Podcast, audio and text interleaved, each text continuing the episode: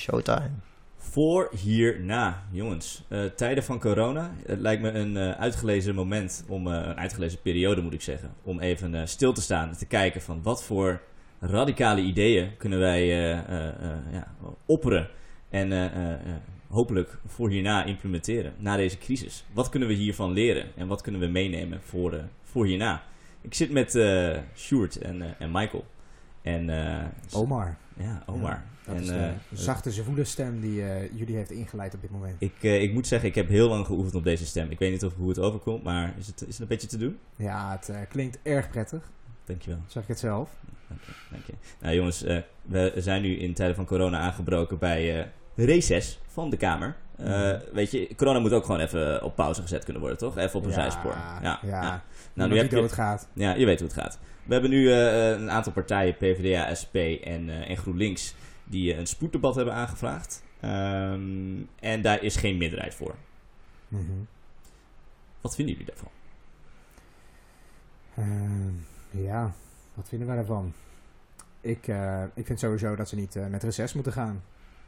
We zijn in tijden van crisis. En als jij dan besluit ja, dat je even rust nodig hebt, dat kan ik me ook wel weer voorstellen natuurlijk. Maar Ja. je bent natuurlijk ver- eindverantwoordelijk voor dit land. En eh, ja, om controle uit te oefenen op, eh, op de mensen die dit land besturen. En dan lijkt me niet dat je, dat je zomaar even weg kan lopen en zegt, nou kom over een paar weken wel weer terug. Het is wel een beetje een grote sprong, hè? Eh, dat ze eerst eh, al die coronamaatregelen gaan doorvoeren, maar vervolgens wel de ruimte vinden om zelf eventjes alles op pauze te zetten en gewoon weg te gaan. Ja, dat is een vuur in brand steken en dan ergens anders heen gaan. Ja, want, want wat, wat is nu de, de, de next follow-up? Ik bedoel, hoe kunnen we stellen dat we hier in een soort van mindere crisis zijn wanneer dat in de rest van Europa nog niet zo is? En sterker nog, eh, aan de overkant van de oceaan, onze beste buren in Amerika gewoon nog steeds een Mhm. piek moeten krijgen. Hun Ja. eerste piek. Ja, en virologen die zeggen dat die tweede golf er ook echt wel aan zit te komen. Ja. Eh, maar wanneer dat dan precies gaat gaan zijn, dat weten we natuurlijk ook niet. Eh, dan lijkt mij dat, eh, dat onze ja, bestuurders toch aanwezig moeten zijn op het moment dat het, eh, dat het weer helemaal fout gaat. ja. Nou ja, ik denk wel dat het uitmaakt wat de insteek is van het spoeddebat. Want eh, er moet, zeg maar, de insteek moet niet zijn van, goh, we willen een debat omdat we erover willen praten. Maar ehm, als oppositie heb je dan ook wel de verantwoordelijkheid om bepaalde tegen, ehm, tegenvoorstellen te hebben die je wil aankaarten en die je in een, in een kamerdebat wil bespreken.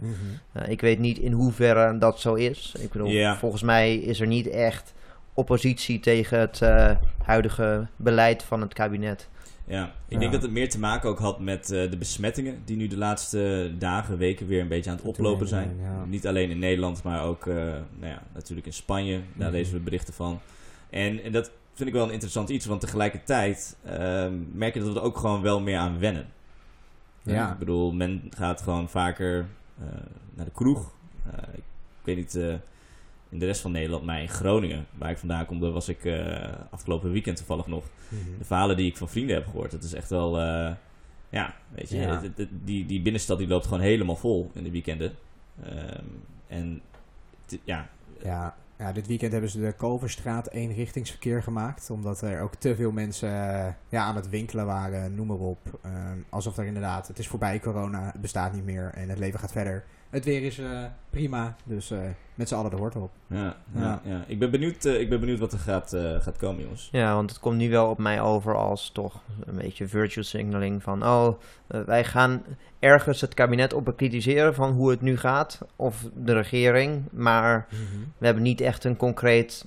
Een concrete disagreement met wat er nu gebeurt. Om een beetje de schijn van. Oh, kijk, we zijn oppositie aan het voeren te, eh, op te spelen. Goed. wordt er denk ik gedaan. Ik bedoel, er is niet een concreet tegenvoorstel van...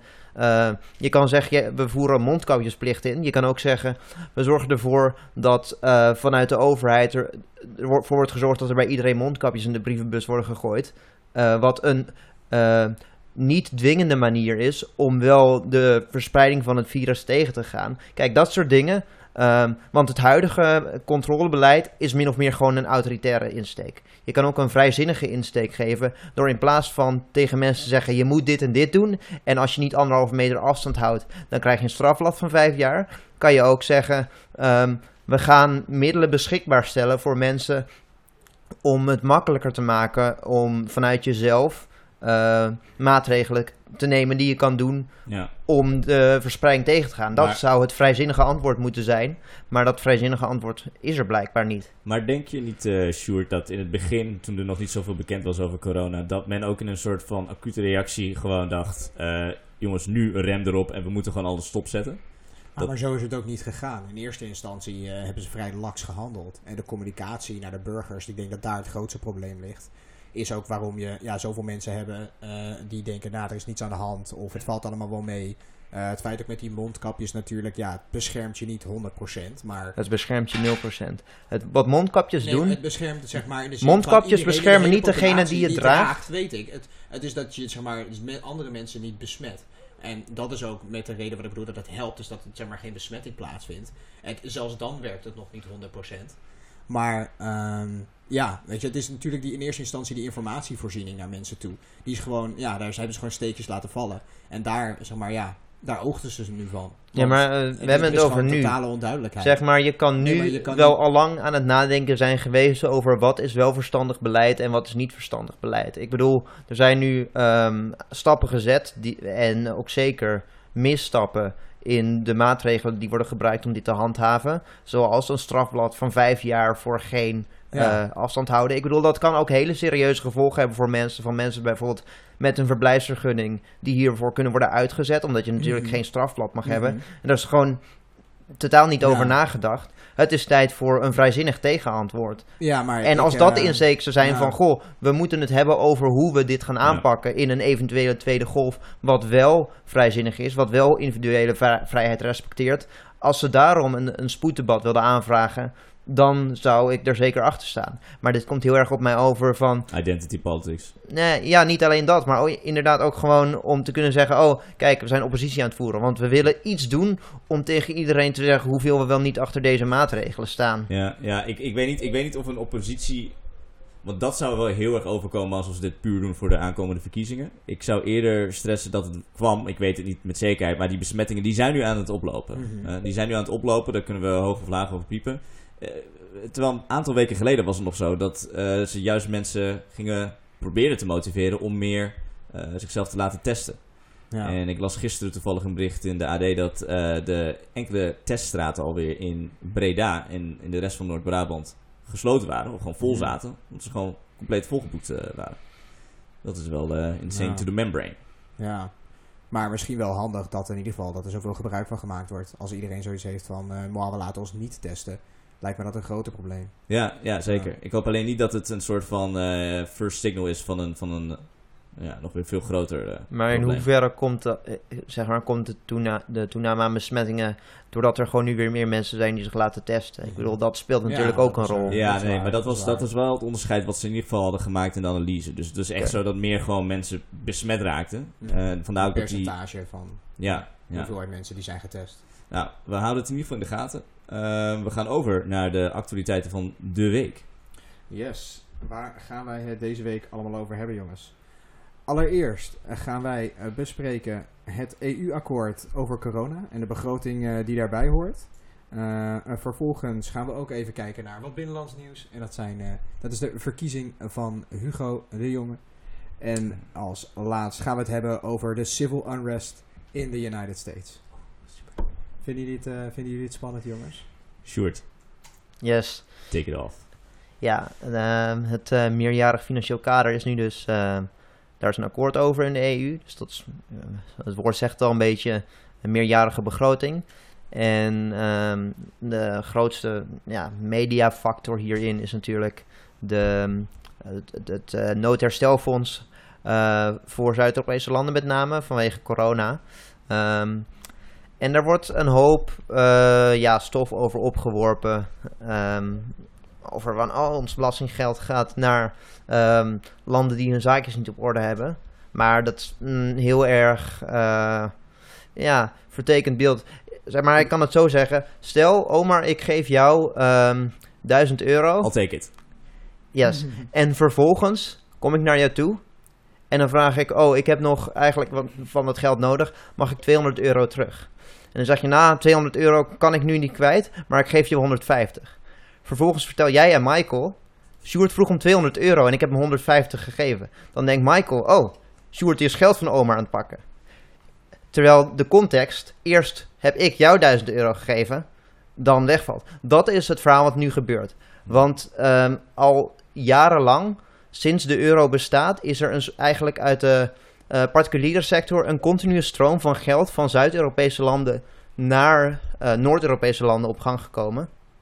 Want het idee van een valuta is, van een nationaal valuta is, de waarde op de wereldmarkt ervan wordt bepaald door de exportpositie van dat land. En um, hoe sterker de exportpositie, hoe duurder de valuta. Dus hoe duurder die producten op de wereldmarkt worden. Dus ook weer op prijs moeilijker te verkopen. Wat er in de EU gebeurt, is de euro, tenminste in de eurozone. De euro is eigenlijk een gemiddelde van de gehele exportpositie van de EU. Wat natuurlijk in landen die daaronder zitten super ongunstig is. Want die moeten met een eigenlijk voor hun economie te dure valuta concurreren op de wereldmarkt. Waardoor een heleboel industrieën het niet redden daar. Ja, dat is vooral in Italië ook gebeurd. Zeker. En landen als Nederland, Duitsland en dergelijke, die hebben juist een valuta dat goedkoper is. Dus ze kunnen voor een lagere prijs op de wereldmarkt hun zooi verkopen zonder een cent minder ervoor te krijgen. En op deze manier is er over de afgelopen twee decennia dat we de euro hebben, een continue geldstroom uit de particuliere sector vanuit de met name Zuid-Europese industriesector naar ehm, Noord-Europese uh, multinationals en aandeelhouders gegaan. En dat gaat echt om veel meer geld dan een paar miljard wat aan economisch herstel wordt uitgegeven. Dus wij als Noord-Europa, nou ja, wij um, hebben eigenlijk de een belangrijk deel van de hele belastingbasis van Zuid-Europese landen onder hen vandaan gerukt. En vervolgens doen zij alsnog hetgene wat moreel noodzakelijk is, door vanuit de overheid te investeren in echt noodzakelijke sectoren als de zorg nu. En um, dat geld dat ze dus min of meer door Noord-Europese corporaties niet hebben. Um, er wordt dan moeilijk over gedaan dat wij ons geld van de Nederlandse belastingbetaler aan Zuid-Europa zouden geven. Maar dat is natuurlijk onzin, want die context die, die ontbreekt hier compleet uit. Maar, maar als ik het goed begrijp, is het dus zo dat dus de playing field is niet eens evened out.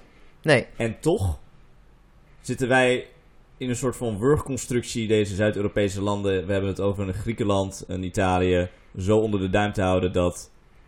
Ja, ja maar dat, dat is ook wel, wel weer makkelijk. Want je hebt natuurlijk ook jarenlang Berlusconi in Italië gehad. Oh, en, en laten, we, laten we gewoon even eerlijk zeggen: dat is ook niet echt een, uh, echt een, een, een schoon figuur. Die heeft ook gewoon een groot deel van de Italiaanse media in handen, noem maar op. Zeg maar die heeft ook gewoon zijn eigen zakken gevuld. Uh, terwijl inderdaad eigenlijk al die, econo die economie van Italië helemaal niet uh, gebouwd was op die overgang naar de euro. Maar uiteindelijk waar het nu op neerkomt is, je kan wel terugkijken naar inderdaad, ja, wat uh, was die transitie nou noodzakelijk, ja of nee, konden ze dat aan? Antwoord is nee. Dat nee. wisten ze ook al voordat ze uh, begonnen. Alleen was het ja, vrij sentimentele reden om Italië en zo erbij te betrekken, omdat ja, je dan toch als één EU handelt. Ja.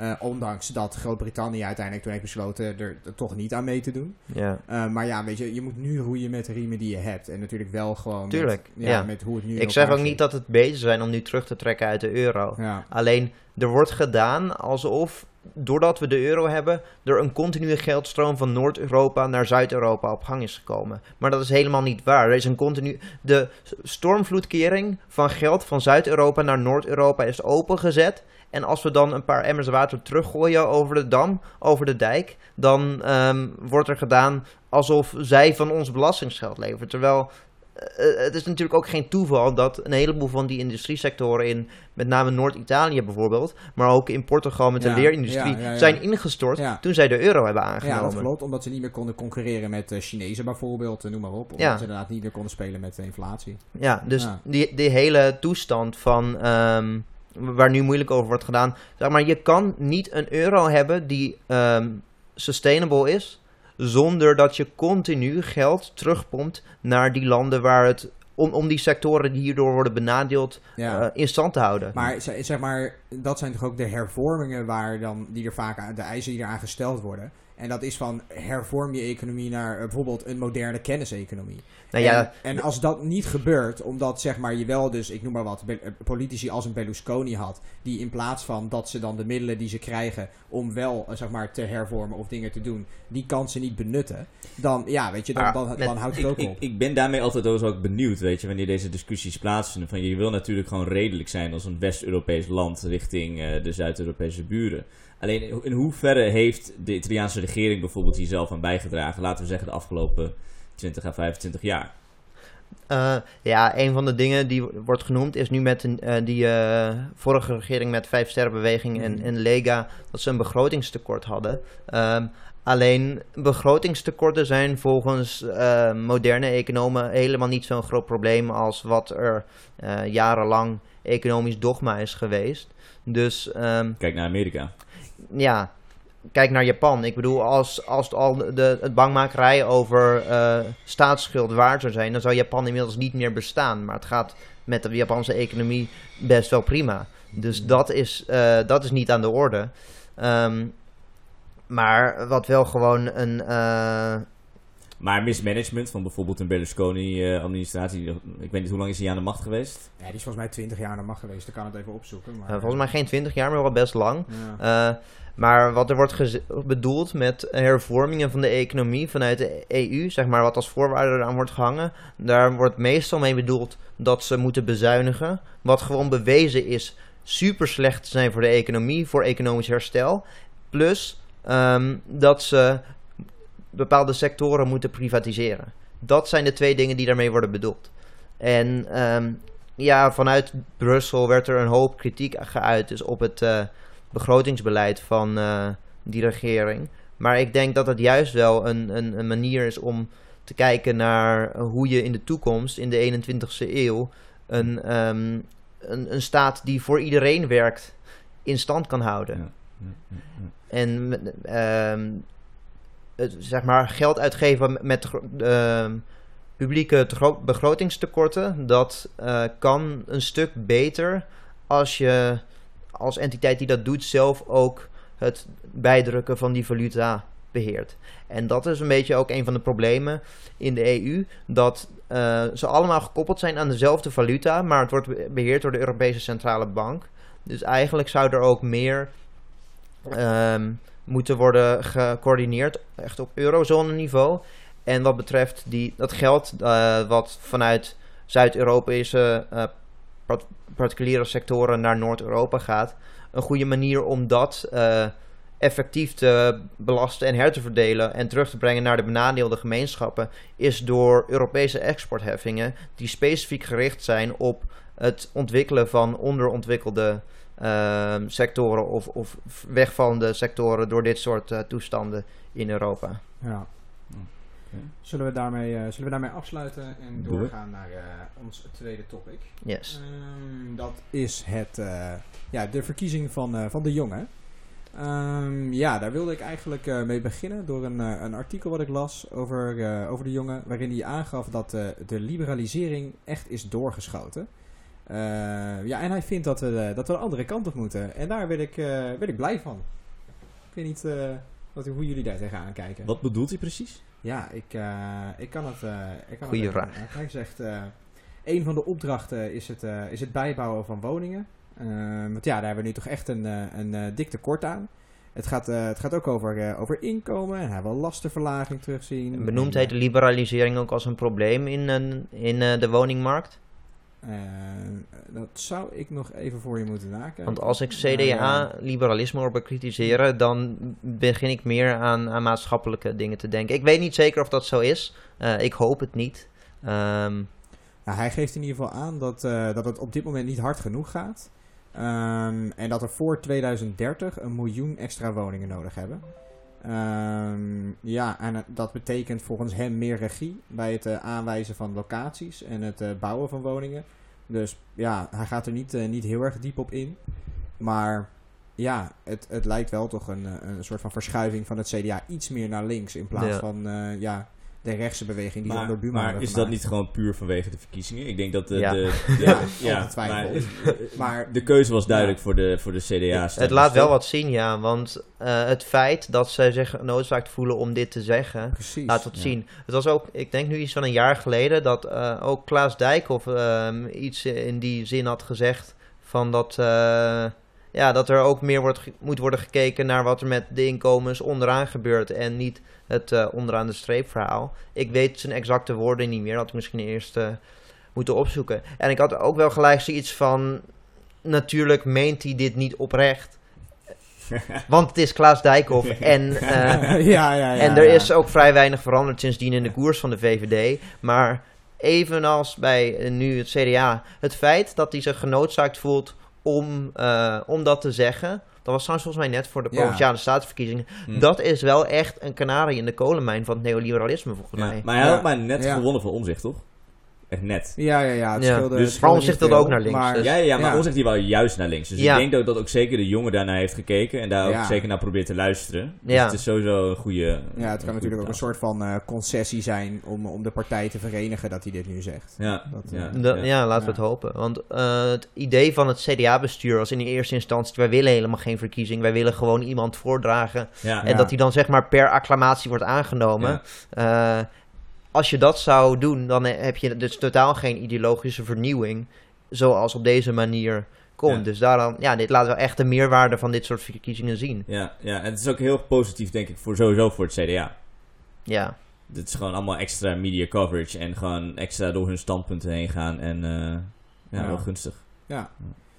Ik eh, moet je wel eerlijk bekennen dat ik niet weet wat er nog meer over te zeggen is. Ik denk dat we gewoon moeten kijken naar eh, ja, welk beleid die daadwerkelijk eh, eh, zal gaan eh, propageren. En wat daar daadwerkelijk van terecht komt. ja. Eh, en dat is een kwestie van afwachten. Let's see. Dan gaan we naar ons, eh, ons laatste onderwerp. Eh, dat is toch de onrust in de Verenigde Staten. De Black Lives Matters beweging in, eh, in Portland. Ehm, ja, wat hebben we daar allemaal gezien? We hebben Homeland Security gezien die in eh, ongemarkeerde voertuigen eh, zonder eh, naamplaatjes of identificatie burgers van, van straat raapt. Pact. Exactly. Wat, wat vinden we daarvan, jongens?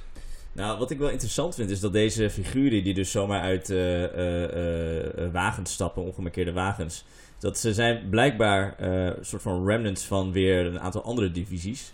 Waaronder de, eh, ik geloof de eh, Homeland Security Divisie, Ja, Immigratiedienst. ja. ICE inderdaad en Homeland Security. Ja, ja, Ja. ja, ja. Ja. Dus het zijn gewoon troepen die dan gewoon verzameld worden. En vervolgens eh, in dit soort van liberal safe havens Ja. aan Portland eh, eh, worden ingezet. En ik ben benieuwd waar dit eh, naartoe gaat. Ja, ja persoonlijk eh, heb ik al een tijdje het, eh, ja, de angst dat er misschien nog wel een tweede Amerikaanse burgeroorlog gaat uitbreken. Maar met I didn't deze beelden, say it, man. I didn't ja, say it. Ja, ja is het, lijkt het toch eh, steeds meer die kant op te gaan. Nou ja, ik denk wel dat in de 21ste eeuw daarom twee redenen veel minder kans toe is. Eén, ehm, mensen zijn veel te gehoekt op, op eh, dopamineverslavingen in de vorm van Netflix eh, tot apps. Gewoon dingen, Ja, die ja, afleidingen die mensen gewoon pacified houden. Mhm. En ten tweede, ehm, zeg maar, in de eh 19e eeuw was het musketten tegen musketten. En dan eh, ja, is er een kans als burgeroorlog dat, dat je als opkomende partij wint van de regering. Dat is toen niet gebeurd natuurlijk. Nee. Maar als je kijkt naar nu. Ehm, aan de ene kant heb je rednecks op, op pick-up trucks met, met, met vuurwapens. ja, en die hebben en al de regering heeft geschoten vliegtuigen en kernbommen. Ik bedoel, de- Ja, maar er zijn al demonstranten Ja. gedood, hè? Ja, Echt al ja, een ja. jaar geleden. Ja, als ze van met- die standbeelden Ja, maar dat is nooit halen, opgehouden. Dat ze begonnen te schieten. Nee, Nee, dat maar is het nooit wel opgehouden. Maar het wordt wel En ik denk meer, dat, ja. en Ja. ik denk dat de, het gevaar is niet zozeer dat eh, men eh, eh, in deze this day and age met internet, Netflix, et cetera, pacifistisch wordt, maar eerder dat ze een soort van Ik zijn niet pacifistisch worden, maar gepacificeerd in de zin dat ze niet daadwerkelijk eh, die stap nemen om echt Ja. eh, grootschalig, gewelddadig. eh, Juist, juist, maar ik denk dat daar misschien eh, het gevaar schuilt. Hè? Ja. Dus, dus, dus kijk, als, als genoeg mensen maar hooked zijn aan zeg maar social media en dat soort crap, weet je, en, en Mhm. gewoon hun, hun, hun, hun hitshow die gewoon blijft komen, ja. dan heb je natuurlijk andere figuren die wel gewoon heel erg deliberately, dag in dag uit, misschien gewoon kwade plannen aan het smeden zijn. Weet je? Ja. Kijken naar een Stephen Miller, kijk naar... Ja, precies. Maar ook gewoon hoe die rhetoric van een Trump, zeg maar, intensified over eh, nou, de afgelopen maanden. Ja. Ergens is corona ook wel in het voordeel weer van eh, de rest van ons. Omdat het gewoon heel veel media coverage en heel veel eh, zuurstof, denk ik, ook wel weghaalt bij Trump. Mhm. Want Trump, die leeft echt gewoon van de... Weet je, omdat er zo... Hij, hij brengt zoveel bullshit naar voren. Elke Ja. keer weer, elke dag weer. Het is gewoon 24-7 breaking news. Maar de media... Daardoor is alles een beetje oversaturated. Nou, niet gevoel. helemaal, want de media die bekritiseren hem zelden of nooit op daadwerkelijk substantie- substantieve dingen, maar op bijvoorbeeld eh, echt pure stijldingen van de manier waarop hij tegen, tegen Ja. de pers praat. De of- dingen die hij zegt en niet de dingen die de, hij doet. De dingen Ja. waar, of de manier waarop hij tegen andere internationale leiders praat, maar het gaat zelden over daadwerkelijke policies die hij doorvoert. En, Dus- Maar daar, die zijn ook geen haar beter. Maar Die zijn, nou, dat, dat is daadwerkelijk een probleem. Ik bedoel, kan mij het schelen als hij, eh, al- als hij weet ik veel, een, een, een een journalist uitscheldt of zo, die aan het grandstand is. Als die Jim Acosta, die ook niet, zeg maar, dat, eh, dat was zo'n heel mediacircus Ja. dat hij Ja, maar eh, onbeleefd maar- tegen ja, hem was. maar Jim Acosta, die was ook helemaal niet... Als staatshoofd, dan moet je gewoon wel gewoon een bepaald, ja, Ik- een bepaalde status ik- hebben. Je vertegenwoordigt een heel volk. Ik- dan ik- moet je ik- gewoon op een ik- bepaalde ik, manier ben het, ik ben het met je eens, Sjoerd, dat het moet gaan om de inhoud. Helaas is dit gewoon een complete maniac. Die, al zou je hem gewoon echt een, eh, een teleprompter geven... Hij kan niet eens van de teleprompter aflezen. Hij kan niet gewoon... Hij kan, hij kan niet eh, een, een volledige zin afmaken, weet je wel. Voor weer terug te gaan in de, in, de, in de populistische rol van mensen ophitsen tegen een bepaalde groep mensen. Het is gewoon... Maar qua stijl, zeg maar, dat hij gewoon geen filter heeft Maar wat is- hij mijn, zegt. mijn, mijn vraag dat- is meer dat- van, dat- kunnen, moeten we daar nog geen Qua stijl, dat hij geen filter heeft van eh, dingen die hij zegt, woorden die hij gebruikt. Dat is een van mijn, wat mij betreft, een van de meest positieve eigenschappen aan hem. Omdat het hele circus van, oh, je moet je op een bepaalde manier eh, gedragen en bepaalde woorden gebruiken. Dat is allemaal een, een dekmantel, een, een soort van ehm, schijn van beschaving eh, over een systeem wat gewoon mensen uitbuit. Ja, ja, ja. En dat masker wordt er op deze manier wel afgerukt. Maar eh, eens, ik bedoel, kijk, het heeft, dat, dat hij ergens ook wel een positieve impact heeft op, in het politieke circuit daar. En ook gewoon op, op- on the world stage, zou ik zeggen. Daar ben ik, ben ik het helemaal mee eens. Alleen ik denk dat, zeker met een Trump, wanneer hij bijvoorbeeld zijn eigen land verloogt, terwijl hij naast Poetin staat, dan kun je zeggen, oh jongens, we hebben het niet over zijn policies, we moeten zijn policies gaan bekritiseren. Maar dat zijn gewoon wel hele opmerkelijke dingen, weet Ja. je. Wanneer hij heel Ja, grandioos tegen niet, een... want hij doet niks wat pro-Rusland is. Nee, nee, nee, Nee, maar, maar- jawel, jawel. Maar, de, zeg maar die dingen zijn dus zeg maar... Het is niet directe policies die doorvoort die pro-Rusland zijn. Het Nee, zijn maar wel dus directe policies die fucking anti-Rusland zijn. Maar hij Nee, geeft dat- ze wel een bepaalde legitimacy. Ja, hij- precies. En dat is het probleem. Vlak nadat wat, Amerika... Maar dat heeft hadden dat Pompeo heeft gezegd dat de Verenigde Staten de LGBTQ-community niet meer verdedigt. En dat eh, de verdediging van eh, ja, de hebben ze nooit order gedaan ook. Dus, eh, Alleen maar, nee, maar ze hebben wel altijd dat uitgesproken. En dan noem Ja, ook maar. maar daar dus hebben mensen die worden gestenigd geen hol- altijd is op bekritiseerd. En waar daar uiteindelijk zeg maar gewoon die hele die frictie is ontstaan. Is puur vanwege Poetins binnenlands beleid tegenover bepaalde minderheden. En nu hebben ze gewoon gezegd: ja, nee, we verdedigen alleen nog maar religious freedom en, en, en property rights. En that's it. En dat is gewoon letterlijk een stap terug van de Verenigde Staten op het wereldtoneel. Wat niet een rechtstreekse kleine policy is. het is niet een stap terug, want in eerste instantie hebben ze dat nooit gedaan. Ik nou, bedoel, ze hebben wel, ze hebben landen bekritiseerd waarin ze zeggen: hey, we vinden dit niet oké dat jullie zo omgaan met een LGBTQ-community. oh, noem één voorbeeld. Rusland. Nee, dit hebben ze ook gedaan in, in, in, eh, eh, tegenover eh, Teheran en Ja. in meerdere landen. En dan hebben we niet over zeg maar, Amerika de afgelopen Ja, maar je 30 kan jaar. je vijanden hebben niet beïnvloeden. Je kan wel je bondgenoten beïnvloeden. Terwijl, Saudi-Arabië. exact, de VS heeft zich er nooit over uitgesproken dat mensen van de LGBTQ-gemeenschap in Saudi- Saudi-Arabië gewoon gestenigd of onthoofd worden. Nee, dat Kijk, klopt. Dat De, klopt. de hypocrisy van het neo- neoliberale, neoliberale tijdperk tot daar aan toe. eh, of tot daar Maar gelaten. qua real-world impact is het ook nul. Want hun vijanden gaan niet naar ze luisteren en hun Eens. bondgenoten spreken ze er niet op aan. Helemaal eens. Dus Alleen- deze symbolische verandering boeit niet, want het enige wat ertoe doet is, ma heeft het invloed op de levens van mensen. Er worden nul mensen uit die gemeenschap meer of minder lastiggevallen of vermoord als Ja, daar ben ik het dus niet mee eens. Nee. Want in, het, in, in zo'n land zelf, ook al is het hypocriet en zal de Verenigde Staten er zelf niets aan doen, is het idee dat er een, een staat als de Verenigde Staten is die voor deze rechten vecht, ook al is het in principe niet zo, dat heeft gewoon een psychologisch effect. Niet alleen op een individu, maar op gewoon de wereld waar we naartoe gaan. En natuurlijk is het hypocriet en zullen de meeste mensen er ook wel doorheen kijken. Maar die symbolische waarde is wel belangrijk. Maar ook denk gewoon je... voor, maar, voor maar, maar- een volk het waarin, stel je voor je leeft in een Iran en eh, je bent homoseksueel en je denkt, nou weet je wel, eh, eh, dat gaat niet beter worden. maar dan heb je wel het idee van het is ergens anders beter. Er zijn mensen that do care about us. Maar- Weet je, en dat is gewoon, dat, dat is ook belangrijk. Dat is een belangrijke functie die de Verenigde Staten na de, sinds de Tweede Wereldoorlog heeft gespeeld versus de Sovjet-Unie. En daar kunnen we een eindeloze discussie over voeren. Maar symbolische waarde is alsnog waarde. Maar denk je, maar denk je dat dat. Nee, eh, maar. Maar, maar denk je dat dat bij eh, Amerika vandaan moet komen, Michael? Want kijk, ik denk dat er ook zeker iets voor wat te zeggen. Van sinds de Tweede Wereldoorlog hebben ze eh, met trots dat vaandel gedragen. Maar hebben ze natuurlijk ook, weet je, regeringen over, overtoppeld in Iran, klopt, in Zuid-Amerika, et cetera. Ja. Weet je, dus ook heel veel van de problemen die stemmen ook van de keuzes die toen de tijd door de grootheden van hè, de, de, de, de, de, de machtige landen van toen eh, gemaakt zijn. Ik denk gewoon dat nu in this day and age, eh, als we gewoon kijken naar de tijdlijn sinds Obama, zijn er gewoon bepaalde positieve veranderingen geweest. In gewoon hoe ze zijn omgegaan met dat vraagstuk van homorechten, zowel nationaal als internationaal. En het is ook niet gek dat ze niet continu inderdaad een. eh, ze, ze hebben natuurlijk gewoon een bepaalde policy in hoe, of eh, een bepaalde uiting in hoe ze erover praten, Obama-administratie.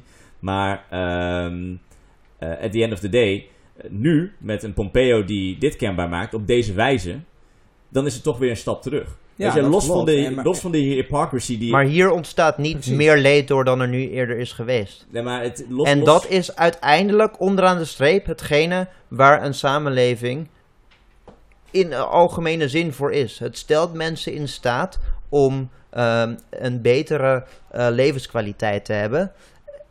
En dat is het hele idee van een samenleving. Dus handelingen die daar geen invloed op hebben, zijn echt niks anders dan afleidingen van de zaken die ertoe doen.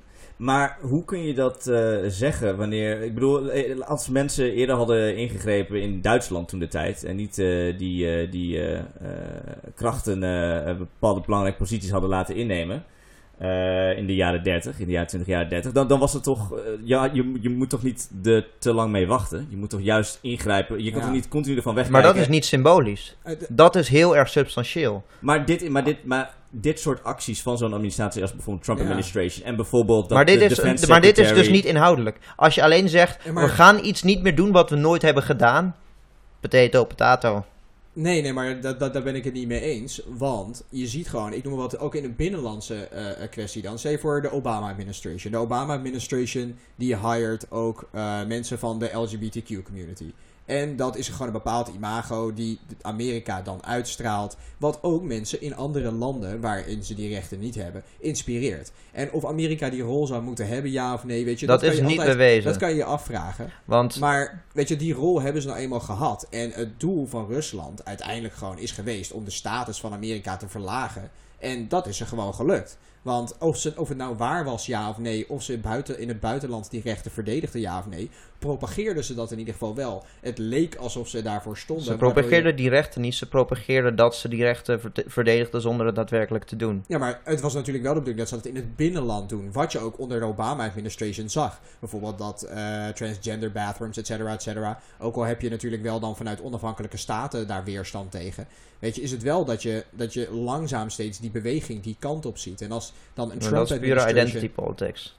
Ja, dat, daar ben ik het mee eens. En ik denk ook niet dat daar de kern van het probleem ligt. Maar het betekent nog niet dat het geen waarde heeft. Er is een reden dat er ook identity politics is. Ja, Omdat om mensen gewoon- af te leiden van economische issues. En ik denk dat het gewoon nog een signaal is van hoe eh, ze die rechtsstaat gewoon proberen af te breken. Ja, Net als precies. Obama. Ik bedoel, dat is Nou, inderdaad een goed nou. punt. Nee, zeker, absoluut. 100% wat er nu gebeurt in Portland, dat is gefaciliteerd door Nancy Pelosi, Obama, Joe Biden en de Democraten. Want zij zijn degene, want de, de hele ehm, juridische grondslag wat dit mogelijk maakt voor Trump om dit te doen, ligt in de Patriot Act. Ja, En dat weten ze. Bush en ze, oké, ze hebben getekend om dat te verlengen. Maar ja, Bush is degene die uiteindelijk de Patriot Act Ja, en elke keer, ja, en elke keer doen de Democraten.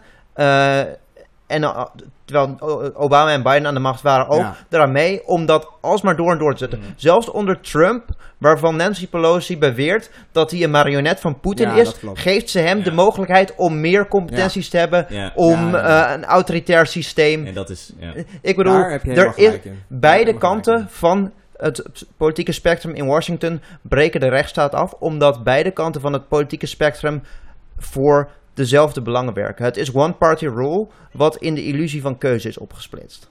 Ja, ja. Ik, ik ja, ik denk zeker dat, eh, dat de Democraten eh, medeplichtig zijn aan het sowieso het bestaan van Trump, laten we wel zijn. There Ja. are no good guys in Washington. Ja. Hmm. Oké, nou, ehm, Ja, het, eh, het laatste segment. Yes. Sjoerd. Ja, dan gaan we nu over op het eh, volgende segment, de grootst mogelijke waanzin. Een rubriek waarbij we dingen bespreken die, ehm, waar we allemaal helemaal gewend zijn dat het zo is, maar die eigenlijk rationeel gezien helemaal nergens op slaan. Daarom gaan we het deze week hebben over het collegegeld. Ehm, de discussie omtrent studiefinanciering gaat eigenlijk altijd om eh, de basisbeurs en het leenstelsel en dergelijke. Mhm. Maar wat mij betreft is er eigenlijk een nog groter kwaad in, in het spel hier, wat nauwelijks eh, ooit wordt aangekaart. Ehm, en het is ook gewoon niet logisch eh, als je naar andere landen kijkt dat we dit hebben. Want er is echt een hele lijst met landen ehm, waar mensen helemaal geen collegegeld hoeven te betalen.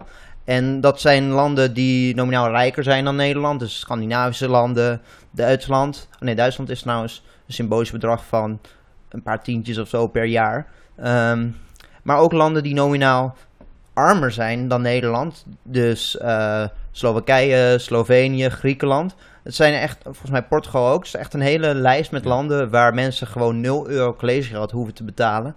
En rationeel gezien is het ook best wel logisch. Want je investeert gewoon als overheid in je eigen toekomstige kenniseconomie. Dus het betaalt zichzelf ook eh, sowieso uit.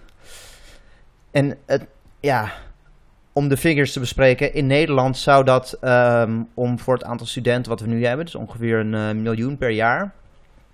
Om het collegegeld ehm, daarvan volledig vanuit de overheid te betalen, zou ongeveer 1,7 miljard per jaar kosten.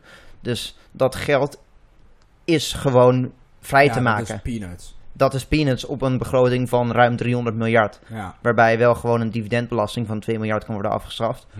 Ook al zag ik op de miljoenennota van de afgelopen jaar dat het volgens mij iets van 6 miljard had binnengebracht, de dividendbelasting. Dus ehm, Oh. Ja, dat je drie keer iedereen van elkaar school willen sturen. Ja. eh, Ja. plus, ja zeker. ja. En, en er is dus ook nog eens ehm, eh, door onderzoek bewezen dat mensen die eh tertiair onderwijs hebben gevolgd gewoon gemiddeld meer verdienen. Dus die betalen ook meer inkomstenbelasting. Eh, bedrijven maken meer winst vanwege de betere kenniseconomie. Dus je hebt meer omzetbelasting. Dus onderaan de streep zou het eh, waarschijnlijk zichzelf geheel of gedeeltelijk uitbetalen. ja. En ehm, het is ook gewoon een ehm, maatschappelijke functie. Nou, wat er in de begroting staat voor onderwijs, ehm, ik citeer het nu ongeveer. Er staat, eh, het wordt, er wordt erkend dus dat het een maatschappelijk goed is, dat het een functie heeft. Dus er staat, goh, omdat, omdat het goed voor de samenleving, als mensen goed geschoold zijn, eh, financiert de overheid een gedeelte van het collegegeld. Mhm. Dus dat is zo'n 7600 euro per jaar. Dus de logica passen ze gedeeltelijk toe, maar net niet helemaal. Maar staat er, omdat het individu er ook wat aan heeft, moet het individu er ook aan bijdragen. Alsof dat een, een, een zonde is of zo, om Ja. er wat aan te hebben.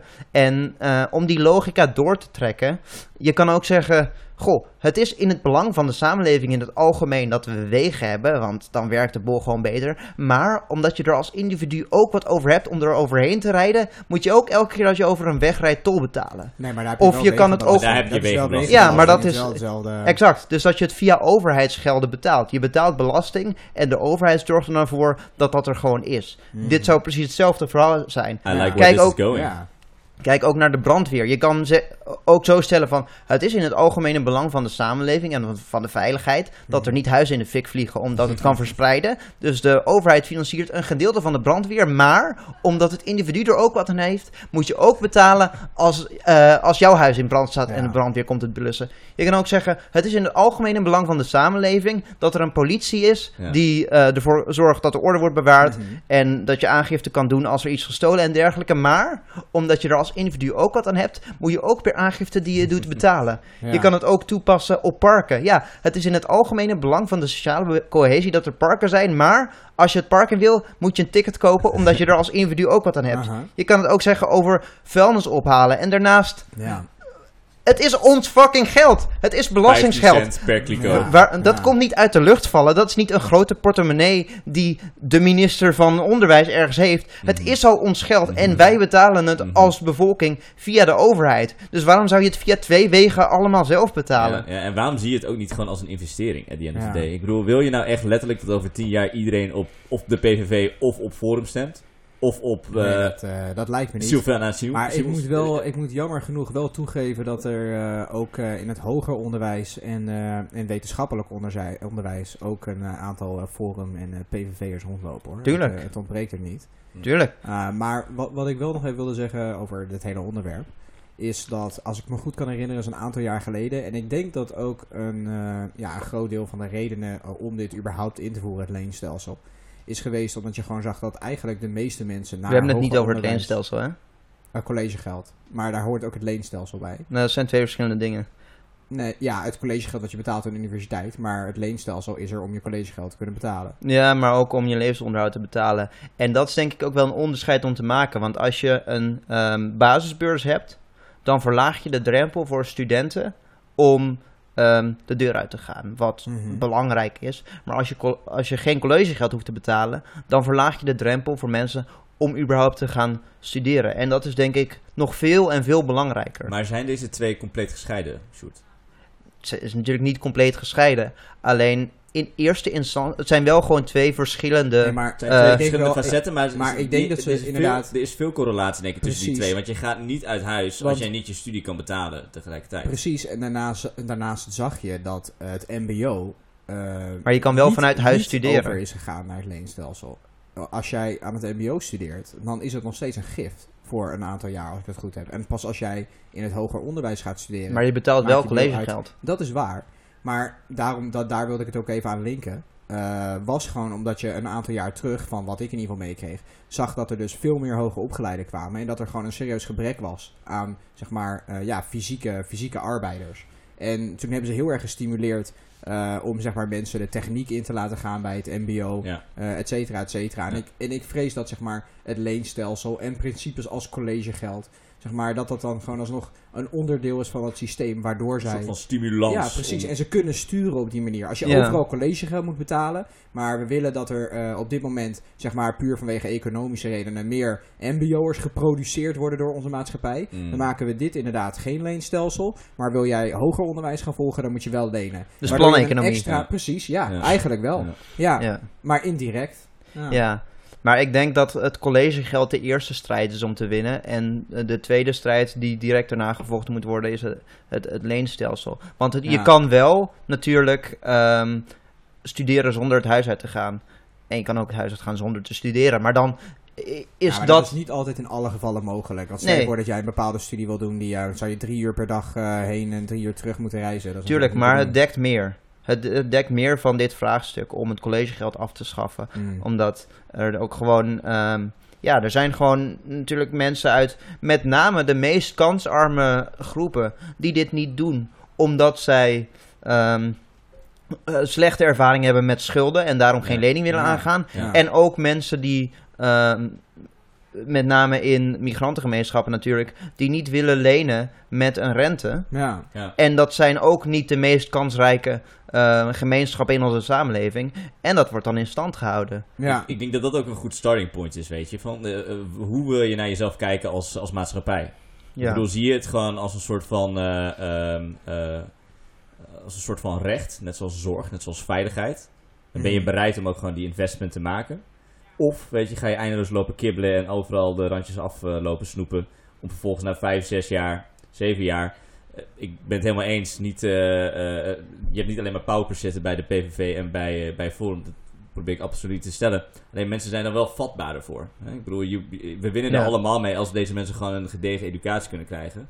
En ik denk dat dat gewoon vaak, eh, vaak vergeten wordt of zo. Ja, ja.